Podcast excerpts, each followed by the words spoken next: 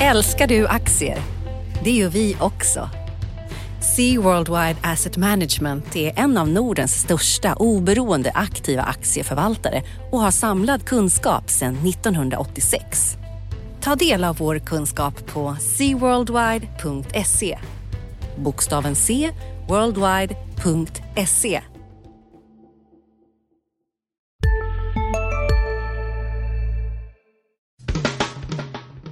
Analyspodden från Dagens Industri. Hej allihop och välkommen till Dagens Industris analyspodd. Jag heter Ulf Pettersson och mitt emot mig har jag eh, Martin Blomgren. God morgon Martin. God morgon Ulf.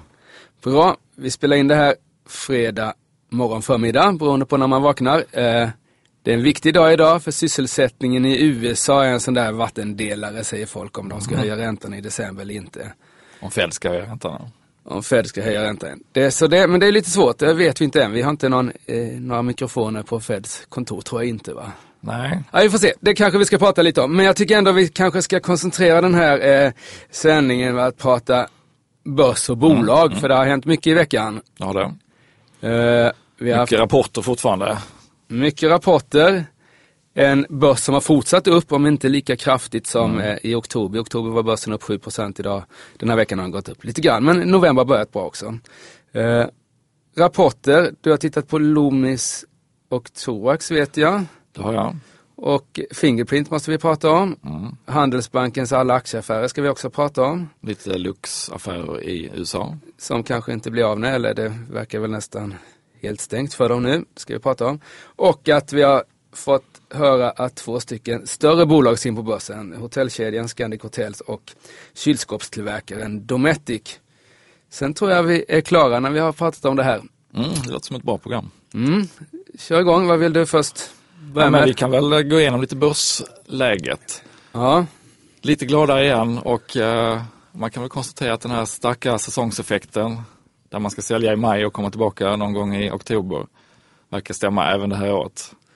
Precis. Det är, eh, alla väntar på det klassiska julrallyt och då positionerar man sig i god tid för det. Mm. Och eh, det, det är svårt att peka exakt på vad det beror på eh, varje år men, men vid den här tiden brukar man börja vända blicken mot nästa år och titta på prognoserna för nästa år. Då ser allting plötsligt lite billigare ut och eventuella engångskostnader som, som finns på det här året kan man eh, lite grann bortse från. Så att det blir liksom en mental mental revidering som ja. gör att man kan uh, se lite ljusare på börsen. Det tror jag. Och vi passerade i oktober som kan vara en jobbig marknad eller en jobbig månad tidigare utan, mm. utan några större produktioner. Jag skulle säga att uppgången här har varit ganska mycket centralbanks mm. Eh, styrd egentligen. För rapporterna som du har gått igenom och, och Micke har gått igenom var väl inte sådär jättebra egentligen men ändå har börsen gått upp och det är ju centralbankerna. Ja, framförallt ECB som hintade om uh, mer åtgärder i i december. Ja. Och, och, om man parar ihop det då med att Fed kanske höjer i december så är det något som eh, har drivit dollarn ganska mycket högre. Precis. Och dollar, en hög dollar är bra för de svenska verkstadsbolagen och det är de svenska verkstadsbolagen som kanske framförallt drog ner börsen under sommaren. Mm. Som har kommit tillbaka nu? Ja, precis. Så att de, eh, det här uh, spelet där Fed är, är mer högaktiga än, än de andra gynnar ju den eh, sektorn som har drabbats mest på börsen. Så att, eh, det är väl också en förklaring till att det ja, pekar det uppåt. Och sen har vi den här väldigt, eh, om Fed är hökaktiga så är ECB e väldigt duvaktiga och gör att, vilket gör att euron blir svag då mot dollarn. Och eftersom Stefan Ingves mål här i livet är att kronan ska vara ännu svagare än euron så blir det liksom en riktigt svag krona av det här. Och det, det gynnar ju som sagt var, det, och det sänker ju räntan också. Mm. Så låga räntor, stark dollar till följd av centralbanker har drivit upp börsen. Och du tror att det, du tror på en bra utveckling här i, i november, december också, eller hur? Ja, lite svårt att se vad som skulle uh, krascha slutet på året här. För att Kina var ju en jätteorolig inför rapporterna och det var mm. dåligt i rapporterna men det fanns också tecken på att det inte blir sämre längre i alla fall. Och de har kommit med sina femårsplaner. Och... Ja, och stimulerat ekonomin lite med att sänka ja. räntan och sådär. Så, nej, Kina känns helt bortglömt här. Om inte, det, om inte det blir kraftigt sämre plötsligt så tror jag man kommer att lite grann lägga det till handlingarna mm. under de närmsta månaderna. Och då ja. blir det dollarn och då blir det centralbankerna och värderingar som ändå har kommit ner i, i de uh, industribolag som var väldigt högt värderade tidigare. Ja, finns det lite mer att hämta tror jag. Ja, ja, jag håller med dig där. Det finns några procent, eh, fem, fem kanske. Mm. Och går det riktigt bra kan det bli mer så. Men, men Sen ändrar ju inte det att, att det är svårt att hitta tillväxt. Att eh, industribolagen inte har någon organisk tillväxt alls nästan. Den, den liksom långsiktiga bilden att inga företag nästan vågar investera, att oljebolagen drar ner. Så det- den, den tuffar ju på i bakgrunden men, men om man tittar en, två månader framåt så, så tror jag man kommer att glömma det lite grann. tror jag också. Och det beror som du säger, det beror inte på bättre tid utan på, på att eh, externa effekter som en svag dollar som höjer vinsterna lite grann eh, och att alternativet eh, var i ränte, räntemarknaden istället är liksom inte så kul. Nej, så är det.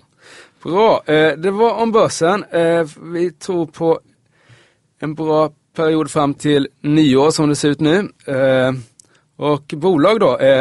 Ja, Handelsbanken, Industrivärden, SCA just det, har det har varit igång och vevat igen. Ja, det har varit igång och vevat. De, ja, det där är ju, jag vet inte hur, om det går att reda ut ens då. Eh, Det som hände först här var ju att tidigare i veckan så sålde SCA sina Industrivärden-aktier och de köptes av olika närstående stiftelser och, och Fredrik Lundberg. Affären gjordes till substansvärde så det fanns ingen annan på marknaden som var beredd att köpa Industrivärden-aktier till substansvärde när den i alla evigheter har handlats mellan 15 och 40 procent substansrabatt. Så det där var liksom en internflyttning av, av pengar men det var väl bra att SCA blev av med sina Industrivärde för det känns, det känns inte så mycket skogs, skog i dem. Nej, det är väl ett naturligt led i deras eh, snabba renodling här. Där de Ja, precis. säljer och styr om och eh, Och sen så kom nästa affär. Det var då att Handelsbanken skulle sälja sina aktier i SCA. Det där var en ganska stor post som de har ägt i drygt ett år ungefär. Ehm, för de köpte den från stiftelserna tidigare, Handelsbanken. Och nu sålde man tillbaks den till stiftelserna som i sin tur sålde den vidare ut på marknaden med, med röstsvaga aktier. Eh, eh, En krånglig affär där Industrivärden också var inblandad som en, eh, de fick temporärt låna ut aktier. Vad det här betyder då? Det betyder ju att det var väl också bra för Handelsbanken för de, alla banker ska ju ha mer och mer kapital i sin balansräkning och då, det, då, då blev man ju av med, med SE-aktier och fick reda pengar som man kan låna ut istället eller göra någonting med. Så det var bra. Men det är ju inte så att vi har, att det här är liksom gör att eh, SCA och Handelsbanken och Industrivärden kommer vara vanliga bolag. Det finns ju trots allt en, en kontroll däremellan och det jag tror, ska man tolka det här, vi får se, det kan komma fler affärer också, men ska man tolka det här så är det väl att Industrivärden och Handelsbanken, banden däremellan stärks medan man är beredd att släppa lite på SCA-kontrollen kan man säga. Och eh, det är väl det som Per Boman vill då. Per Boman, eh, Handelsbankens förre VD och styrelseordförande i, ja han är ju styrelseordförande i SCA och Handelsbanken. Eh, han är nog ganska mån om att Handelsbanken ska ha en trygg ägare i industrivärlden och sen så vad som händer med SCA tror jag han inte är lika, lika intresserad av. Vad det gäller Fredrik Lundberg och vad han vill här i framtiden så är det ju inte så många som vet eftersom man inte brukar berätta något men, eh, men tanken är väl att han är väl beredd att sälja en del i industri, i industrivärden-portföljen vad det lider. ICA exempelvis. Kanske Ericsson också som har varit en dålig, det är, liksom, det är nog kanske lite för mycket teknikhöjd för, för Fredrik Lundberg här så det kan ju absolut vara någonting där. Och SCA eventuellt, vi får väl se här. Men det här är väl inte så att slutet på affärerna i den där sfären utan det kan nog komma mycket, mycket mer. Eh, SE-aktien går ju ner lite på det här beskedet och det är för att man sålde aktierna för 244 spänn och den stod i 256 dagen innan. Och det var ju en del av de där som köpte som säljer nu då för 248 som gör en lite snabb vinst. Eh, intressanta affärer. Eh, jag tror inte det är slutet än, vi får se vad som händer. ja, vi tackar för den summeringen. Ja, bra. Eh, Fingerprint Card då, är du i stånd att summera, summera dem? ja.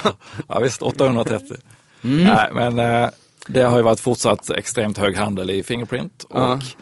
eh, nya händelser under veckan om vi, om vi börjar eh, framifrån eller bakifrån om man vill säga det så är väl att Carnegie då som tidigare satt en riktkurs på 350 kronor som första bank som, eh, som väl på allvar täckte aktien. Då, det fick ju eh, kursen att förfnatt Ja. för ett antal veckor sedan och nu höjer de till 530 och där är ju kursen nästan uppe. Så att, eh, Ja. Men det är väl det ena som har hänt. Det andra som har hänt är att de faktiskt kom med en kvartalsrapport som var fantastisk får man ju säga om man Om man tittar på utvecklingen jämfört med ett år tillbaka. Och, och de tjänade 300 miljoner kronor före skatt. Ungefär 350 miljoner i rörelsevinst på en omsättning som närmar sig en miljard på ett kvartal. Så det är en... Eh... Det har ju, så att det här med att det var ett förhoppningsbolag för inte så länge sedan det är helt bortsopat. Nu är det ja. liksom riktiga pengar, stora pengar, höga marginaler och eh, in kraftigt stigande trend. Ja. Så den, den delen är liksom mm. bara att säga eh, grattis till. Sen är ju värderingsfrågan delikat eftersom mm. de kan göra en kanonvinst nästa år, eller de kommer göra en kanonvinst nästa år. Men, men man vet ju inte hur tre, fem år hur det ser ut med prispress på deras produkter. Och... Nej, jag tror, utan att ha grottat mig in i Fingerprint Cards eh, extremnoggrant så skulle jag väl säga nu när den här rapporten släpptes som då som du säger som bevisade att det här nu är det riktiga vinster, goda vinster. Jag skulle säga att det tar bort en del av mystiken från bolaget. Jag tror inte att aktiekursen kommer vara lika svängig som den har varit sista halvåret. För nu har man ändå en vinst. Nu släpper vi en ny podd. Expressen Dock. Einar han går in i fel gård förstår du och sen där en annan skytt jag tror kommer emot honom och, och fortsätter skjuta. Lyssna på premiäravsnittet. Mordet på Einar, det sista vittnet. Med mig, krimreporter Nina Svanberg. Hon började skrika på mig. Backa hon började säga. Så vad, vad hände? Så han är död. Så vad säger du för något? Så hon började skrika, han är död. Så jag sköt honom nu 21 meter. Lyssna i appen eller där poddar finns. Sista dagarna nu på vårens stora season sale. Passa på att göra sommarfint hemma, både inne och ute. Och fynda till fantastiska priser. Måndagen den 6 maj avslutar vi med Kvällsöppet i 21. Välkommen till Mio. Nu kan vi ändå börja beräkna P tal Vi kan liksom börja fundera på hur det ser ut. Det har nog satt ett golv och kanske ett tak för aktien också. Att nu mm. inser man här att 300 miljoner och vad kan de tjäna nästa år? Och kanske ja, 700-800 miljoner eller en, en, vad är det de tror på? De tror på en... Ja men det här var 350 miljoner bara på ett kvartal så att bara du räknar upp den till ja, fast det var väl ett, så är det uppe i 1,4 miljarder ja, men det miljarder. tror jag inte man ska göra. Varför de har väl en omsättning på den ja, de har en omsättning på närmare en miljard detta kvartalet. Prognosen för helåret höjde de då till 2,8 ungefär. Så och de har, inte, de har inte sagt något för 16 än? Nej, det har de inte. Nej. Ja, men, säg, men ändå att, att de liksom säger att de tjänar en miljard eller något sånt där nästa år. Eller då, då vet vi ändå liksom, då är det, blir det ett P tal på 30 eller något sånt där. Mm. Det är liksom, eh... ja, grovt sett är det väl P 20 på, på vad de rullar nu på ett kvartal. Ja. Men, men, då kommer de ju ha närmast ett, två kvartalen kraftigt stigande. Så att, ja, ja, kanske ja, det är, ja, spännande. Men som sagt var, det har gått från att vara ett förhoppningsbolag till ett riktigt bolag. Och när det är riktiga vinster så tror jag inte de här fantastiska uppgångarna kommer vidare och inte heller de dramatiska fallen. För nu är det liksom ändå ett bolag som liksom har siffror som, som mm. vi är vana vid liksom, inte bara förhoppningar. Uh, du, Lux har du tittat på vid olika tillfällen, Electrolux. Ja, precis. Uh, där händer också spännande grejer fast i USA. De, bakgrunden är ju att de vill köpa GS vitvarudel, General Electrics mm. vitvarudel, vilket de berättade för ett drygt år sedan. Och en superviktig affär för Electrolux. Dels blir de eh, väldigt stora på marknaden, kommer att kunna få ut mycket synergier och man kan väl misstänka då att, eh, att de är nöjda med att kunna stänga ute eh, asiatisk konkurrens. Då blir det de och Whirlpool som, som äger stora delar av marknaden. Just det. Eh, och det gillar ju företagen för då kan man höja priserna och man kan få liksom en, en stabilitet i, i marknaden. Mm. Eh, det här tycker inte då justitiedepartementet är så bra för konsumenterna. De befarar att det blir mindre prispress och att det blir sämre för konsumenterna helt enkelt. Mm. Och eh, de har inte kunnat komma överens om hur, hur det ska se ut och därför kommer det att bli, tas upp i domstol från den 9 november. Som kommer att avgöra om eh, Electrolux får köpa det eller inte. Och i väntan på den här domen då så är det lite tjuv och, och rackarspel där advokaterna berättar lite i media om hur förhandlingarna går mm. och eh, hur de framförallt inte går nu då eftersom eh, de inte har kommit överens. Ja, det. Och det är klart att du är med veterligen ingen expert på amerikansk konkurrenslagstiftning då men, men, men, det är väl eh, det är väl en riktig högoddsare om de skulle få igenom affären eller? Det, det... Det, ja, det är väldigt svårt att säga. Jag har sett i några analyser att de sa en 50-50 ja. möjlighet och det som talar emot är ju det här då att konsumenterna kan man väl på goda grunder eh, argumentera för att, att det blir eh, sämre priser för dem. Men å andra sidan så fick ju då eh, Maytag och Whirlpool gå tillsammans för snart tio år sedan. Ja. Och blev den största spelaren. Men vad tyckte Department of Justice om det då? För nu är det ändå liksom, det är inte, det är ändå en myndighet som har sagt nej här liksom. Och så ska det över till en annan myndighet, det vill säga domstolsväsendet då. Det, ja. De släppte den affären men det var, det var ju två amerikanska bolag. Nu är det ett utländskt bolag och ett amerikanskt. Och, eh, ja, det är lite känsligare då. ja. Ja, den här är, den är ju lika svår att sätta sannolikhet på som var riktkursen på Fingerprint på ett års sikt kanske. Ja. Bra. Men du köper inte Electrolux-aktier idag eller? Nej, jag tror det är eh, för farligt för att det blir så digitalt utfall när det går in i domstolen nu. Någonting annat då? Loomis eh, kom med en rökare här. En riktig rökare och eh, två, mina två senaste, som vad vi kallar veckans aktier, där vi gör en aktieanalys, har rapporterat idag. Måndagar ja, ja just det. Ja, vill du ha den goda eller dåliga nyheten först? Vi kan väl, vi tar den dåliga först och sen tar vi den goda sist, för man kommer alltid ihåg det som sa sist för våra Okej. läsare. Ja, men den dåliga nyheten för min del är att jag satte ju en sälj på Loomis Jaha, som kom med en kanonrapport idag och eh, mitt säljråd var ju inte baserat på att den här rapporten skulle vara dålig utan det var ju att den här stora, stora trenden med kontanthanteringen som har gått neråt i Sverige länge och i Norge länge, att det förr eller senare kommer att synas även på andra marknader. När Apple, Google, alla eh, lanserar sina pay-lösningar så man ska swisha pengar istället Ja. på olika sätt. Ja. Precis, och det, i första skedet så är det positivt för Loomis därför att när inte detaljhandeln och bankerna eh, vill göra lika mycket eh, kontanthantering själv så outsourcar man det till den största och bästa spelaren och det är ofta Loomis som är ett eller två på sina marknader. Och då får de eh, skala i det och tjäna bra pengar. Så att, det, det, att sälja Loomis nu gör man inte för att det kommer att gå dåligt närmsta ett, två åren. Utan det är snarare den här längre trenden som jag tror kommer att hålla tillbaka värderingen snarare än att det kommer att sänka vinsterna den närmsta tiden. Eh, Men eh, i, idag kom det en kanonrapport och eh, så första perioden är ju klar vinst för Lars Bleck och VD i matchen. Men det är mycket kvar va? När satte du rekommendationen? Det var väl en eh, tre, fyra veckor sedan. Ja, ja, det är 50, 49 veckor kvar innan vi ska utvärdera det där. Det hinner hända mycket. Eh, bra, och den goda nyheten då? Den goda nyheten är att den lilla industribolaget Troax, Just som det. också är en börsnykomling i år, eh, som jag satt ett köpråd på och de kom med en eh, jättefin rapport. Det är ju ett eh, bolag som är sprunget ur Gunnebo en gång i tiden. De gör, gör de stängsel eller? Vad. De gör, så skulle de nog själv inte uttrycka det, men eh, metallgaller kan man väl enkelt Okej, säga som okej. sitter kring. Det hette Gunnebostängsel förr i tiden, men det kanske var... var... Ja, men det här är de delarna som sitter inne i, eh, i fabriker till exempel, runt en eh, maskin eller Okej. inne på ett eh, e-handelslager. Eh, så att de är i två nischer, automatisering av maskiner och e-handel där det är strukturell tillväxt. Och det visar sig i rapporten, 20% organisk tillväxt, vinsterna ökar med 40 Otroligt. De har rörelsemarginaler över 20 Otroligt. Ja, det, det är faktiskt ett uh, litet kvalitetsbolag. Ja. Så den, den är vi nöjda med. Mm. Bra. Eh, har vi något mer att avhandla innan vi går in på... Det har kommit en del stora och mellanstora rapporter till som, som kanske sticker ut lite. Securitas tyckte jag att det stack ut. Det. Att de lite grann accelererar sin teknikomställning. De, Gjorde ett stort förvärv här också i, inför rapporten. precis, och det är helt i linje med det de vill göra då. Att gå från rak bemanning till att ha mer eh, övervakning via teknik.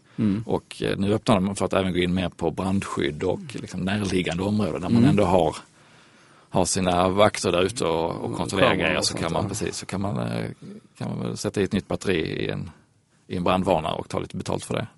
Om man förenklar ganska kraftigt. Bra. Så att eh, ja, det var lite intressant och aktien gick bra på det. Rapporten var inte så bra att, att kursen skulle upp så mycket. Så jag tror att det är den här, eh, man ser att de är på väg att lyckas med sin teknikomställning. Ja, ja det, det är kul. Det finns ju en del bolag som har gått, ja, inga jämförelser i övrigt då, men eh, Hexagon exempelvis som liksom har lyckats ta nästa steg i, i en bransch då och det är klart att det kan bli väldigt bra om man lyckas med sånt. Nu är det väl, har väl Securitas en bra bit att vandra, de har ju fortfarande hundratusentals anställda och sådär, men, eh, men ändå. eh, Jo, så är det, men det går ju ofta i, i hopp på börsen. Först kommer eh, först kommer kanske den positiva reaktionen om man tror på det lite och sen så ser man att det faktiskt är på väg att hända. Mm. Och att eh, det inte bara är ett lönsamhet i en grupp utan att hela marknaden också kan omvärdera hur bolaget ska värderas. Så det är då smäller det till när både vinsten och, Mm. och marknadens syn ändras samtidigt. Ja, ja, det stämmer. ITAB är ett sånt där eh, Mm. exempel som har gått, gjort den där resan och fördubblats i värde här tror jag i år. Veckan som kommer då? Veckan som kommer då skickar vi Mikael Wilenius till Kista Just det. för att hålla ett eh, hårt öga på Ericssons kapitalmarknadsdag. Mm. ICA eh, kommer rapport också. Stämmer. Konkurrenten Axfood kom ju med en omvänd vinstvarning. Just Det händer det. inte varje dag i, i detalj Nej, matvarubranschen. det där är ju fantastiskt.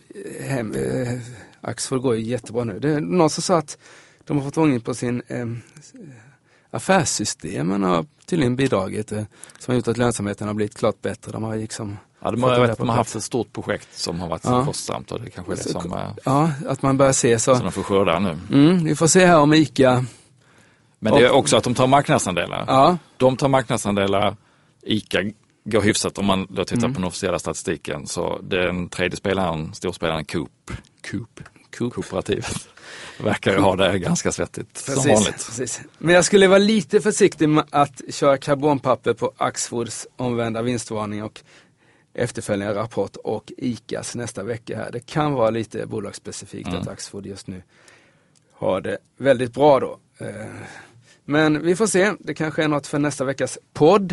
Eh, Något mer innan, innan eh, vi lämnar studion? Nej, jag tycker vi klipper av där. Mm, bra. Har vi pratat om börsen som vi tror ska fortsätta upp, både, både Martin och jag.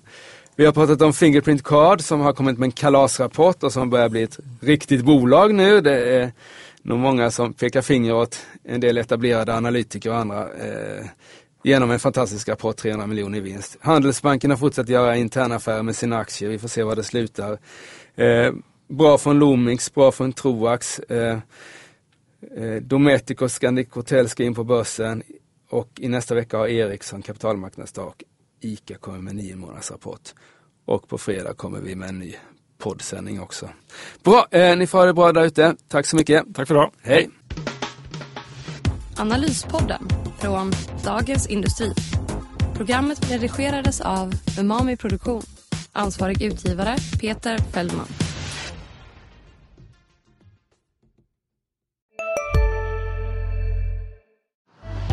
Älskar du aktier? Det gör vi också. Sea Worldwide Asset Management är en av Nordens största oberoende aktiva aktieförvaltare och har samlad kunskap sedan 1986. Ta del av vår kunskap på seaworldwide.se. Bokstaven C, worldwide.se